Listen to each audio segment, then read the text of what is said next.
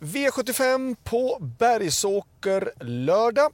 Lite frågetecken på väder, vind och bana såklart. Det väntas ju ganska mycket nederbörd vad jag kan läsa mig till. Um, förhoppningsvis så blir det inga problem med barfota. Jag tror, det ser inte ut som att det ska bli snö men däremot kan man ju fundera på hur mycket grovt hårt material man lägger på banan för att få, ja, för att få fasthet i den så att den blir väldigt hård och då kanske sliter jättemycket fötter och kanske man tvekar. Eh, finns lite olika scenarier på det men jag hoppas att det blir en bra bana att tävla på.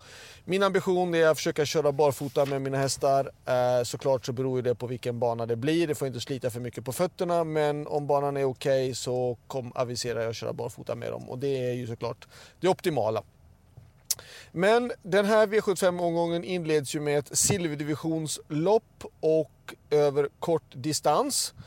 Eh, kan ett hipsteram hålla upp ledningen mot kanske nummer 5 Filippa BJ? Jag är inte säker på det.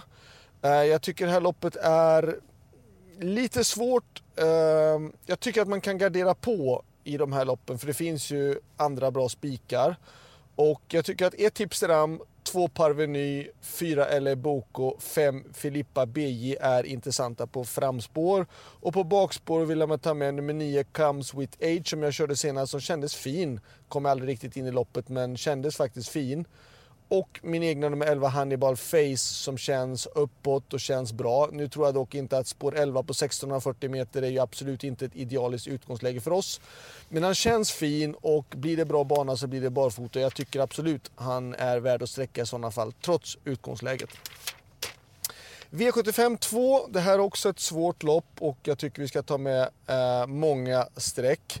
Eh, vi ska med ett Perso, 2 Lundsåsen Teknik, 3 eh, Dånklara, 4 Svarte Petter, 5 Kläppbäst ska vi ta med på. Så 1, 2, 3, 4 och 5. Sen vill jag även med nummer 7 LQ Vidde och 8 Haga Modde eh, och 11 Pyrotek. Det är väl de som jag tycker det här står emellan normalt. 1, 2, 3, 4, 5, 7, 8 och 11. V75 3, spik på nummer 5, Great Skills. Jag tycker inte att det är så mycket att orda om detta loppet faktiskt mer. Uh, jag tror att hon tar spets eller får spets. Ehm, uh, jag kör själv med åtta Phoenix Foto som har gått jättebra. Går ju väldigt bra när han får de här rätta löpningarna. Men det är såklart ett jättehandikapp att vi har fått just spår 8 ju.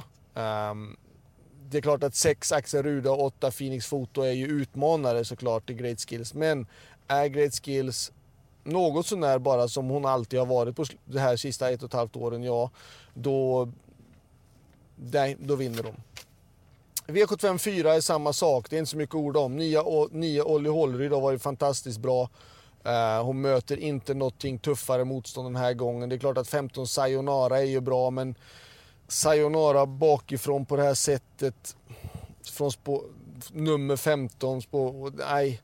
Eh, nio Olli Hålryd tror jag vinner det här loppet utan och innan. Jag tycker att det är två tunga, bra spikar eh, som förtjänar favoritskapet alla, all, på alla sätt och vis. Att det är spik i avdelning 4 då på nummer 9 Olli Hålryd.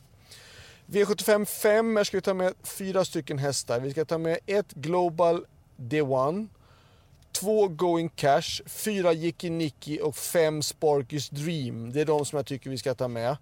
Uh, visserligen är det lång distans och det kan ju gynna, eller inte lika stor nackdel att ha ett dåligt utgångsläge. Uh, och den då, om man vill ta med ytterligare någon häst då så är det med 11 Sheriff Sund i sådana fall som skulle vara intressant. Men 1, 2, 4, 5 tror jag det står emellan. 4 Jicki Nicky har gått bra lopp på slutet hela tiden. Satt ju fast, spurtade jättebra senast på Solvalla. Uh, ja, jag tycker att han är mogen för att kunna vinna ett V75-lopp. V75 6, här ska vi också ha fyra stycken hästar. Eh, nio Kimmy tror jag ju mycket på. Han har ju gått otroligt bra här sista eh, dryga månaden och har varit otroligt duktig. Eh, verkar fortsatt fin. Eh, tanken är ju att köra barfota igen med honom. Han är ju klart mycket bättre barfota. Men det är klart att bakspår var ju en nackdel såklart. Nu vet vi att han går bra bakifrån också. Han gick ju på Åby då för fyra starter sedan var han ju då han ju extremt duktig bakifrån. Um, så att det är inte så att han måste gå i ledningen.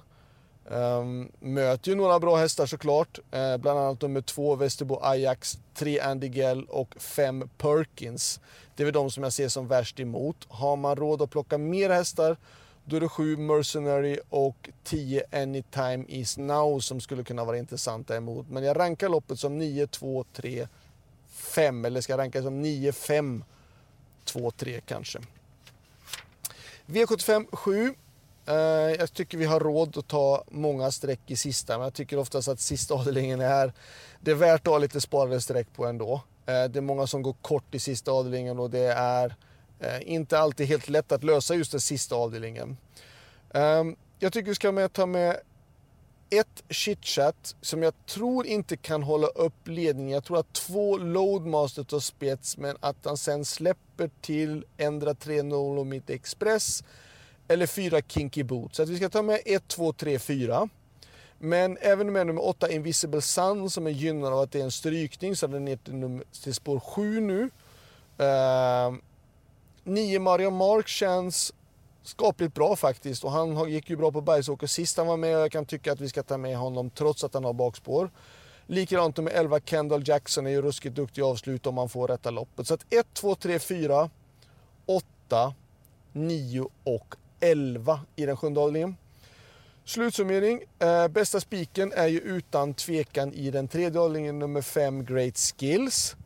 Bästa chansen, ja, det är såklart i den sjätte avdelningen, nummer 9 Kimi.